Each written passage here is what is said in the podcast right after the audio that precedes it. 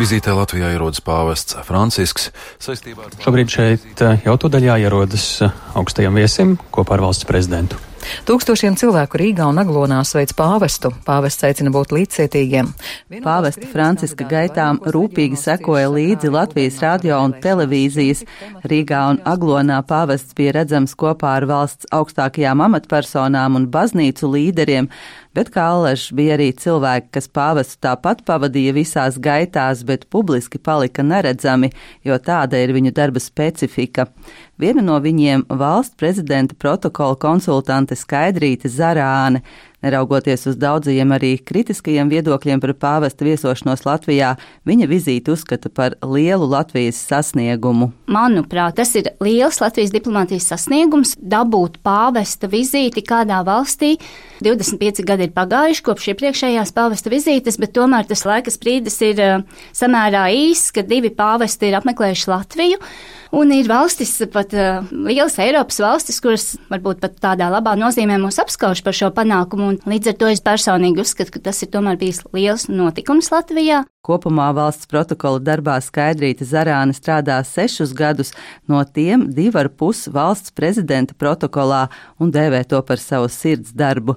Protokols ir tradīciju un normu kopums, ko protokola cilvēki perfekti pārzina un ar savām zināšanām palīdz amatpersonām justies labi jebkurā situācijā. Gaidot augstus ārvalstu viesus, viss jau ļoti laicīgi tiek saplānots pa minūtei, bet vienmēr jābūt gatavam arī kam neparedzētam. Pāvesta Franciska vizīte šai ziņā aizritējusi pat ļoti tuvu visam plānotajam ar dažām atšķirīgām niansēm. Ņemot vērā, ka bija lietus, kaut kas varbūt arī izpalika un varbūt šeit Rīgā, ko cilvēki bija gaidījuši, kad pāvests brauks atvērtā papamobilīte lietus dēļ. Tas nenotika, bija iecerēts ka pāvests pēc ekumeniskā dievkalpojuma domā arī kājām visa svīta dodas uz Jēkaba katedrāli, bet lietus lija tik stipri, ka, piemēram, tikko bija sācies dievkalpojums domā un kad iznāk pāvesta drošība un saka, nē, mums vajag mašīnas, un mēs, protams, ļoti operatīvi pārkārtojam visas kolonas un tā, lai viņš var aizbraukt. Pāvests arī bija nedaudz jau viļņā apaugstējies un, protams, tika ļoti rūpīgi domāts gan par viņa drošību, gan veselības stāvokli, gan labsajūtu, jo tomēr viņa svētība ir kungs gados. Viņam arī ļoti intensīvs ir šis vizīšu grafiks. Viņš apmeklē visas trīs Baltijas valstis vienu pēc otras, bet arī jāsaka, ka arī visi lēmumi, kas ir pieņemti, tas nav bijis kaut kādu iegribu vai kaprīžu dēļ nebūt, nē, tas tiešām ir tādi rūpīgi izvērtēti lēmumi, pamatot iemeslu dēļ.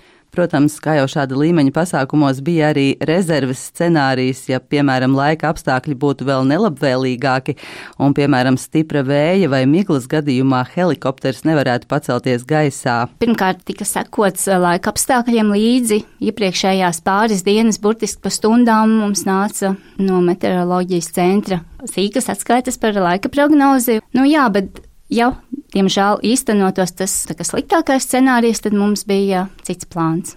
Mēs visi esam ļoti priecīgi, ka šis scenārijs nebija jāizteno, bet, protams, šis bija ļoti, ļoti liela mēroga pasākums, un tas eh, nebūtu mūsu lēmums, bet šajā situācijā to gala lēmumu pieņemtu Vatikāna puse, izvērtējot ļoti specifiskus pāvestu drošības jautājumus.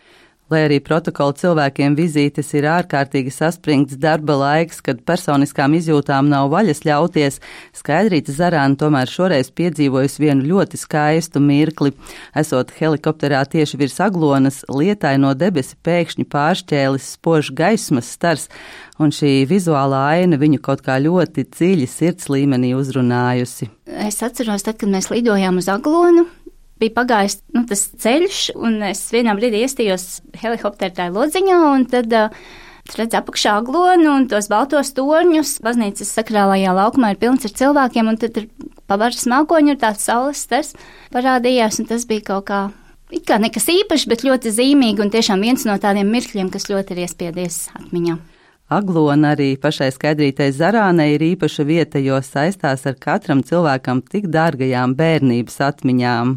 Mūsu lauki atrodas pavisam tuvu Aglonai, un liela daļa manas bērnības svētdienu ir pagājuši Aglonas bazilikā, kur vecmāma mums ir vedusi līdzi. Un sākumā, kā jau bērniem, tas likās garlaicīgi un bija visāds dīdīšanās. Līdz kaut kādam brīdim, ko es spilgti atceros, kad es sapratu, ka baznīcā var dziedāt. Un tad es tur sāku mēģināt kaut ko dziedāt līdzi, un patiesībā tas man dzīvē tālāk ir arī attīstījies, jo es dziedu korī šeit Rīgā jau arī nu, gandrīz 20 gadus, jauktajā korī dzīne. Jā, tā tas viss ir kaut kā kopā, tā jauki sakritis.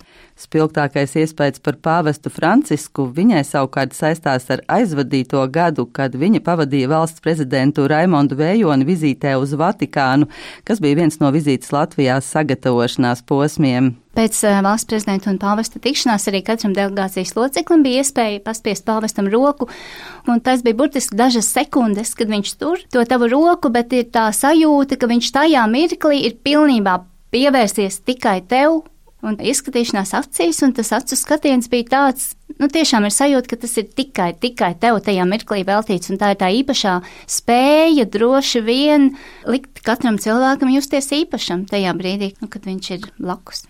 Pāvesta Franciska viesošanās Latvijā bija viena no pašām nozīmīgākajām valsts simtgades vizītēm, un kopumā ārvalstu viesu ziņā gads bijis ļoti bagātīgs. Skaidrīta Zarāna cer, ka daudz no viņiem no Latvijas aizbraukuši ar skaistām atmiņām, un tajā sava liela artava ir protokola cilvēku darbam. Kopumā par Latvijas protokolu esot ļoti labas atsauksmes, ārvalstu viesi to raksturo kā ļoti precīzu, korektu, neuzbāzīgu un viesmīlīgu. Baiba Kušķa, Latvijas radio.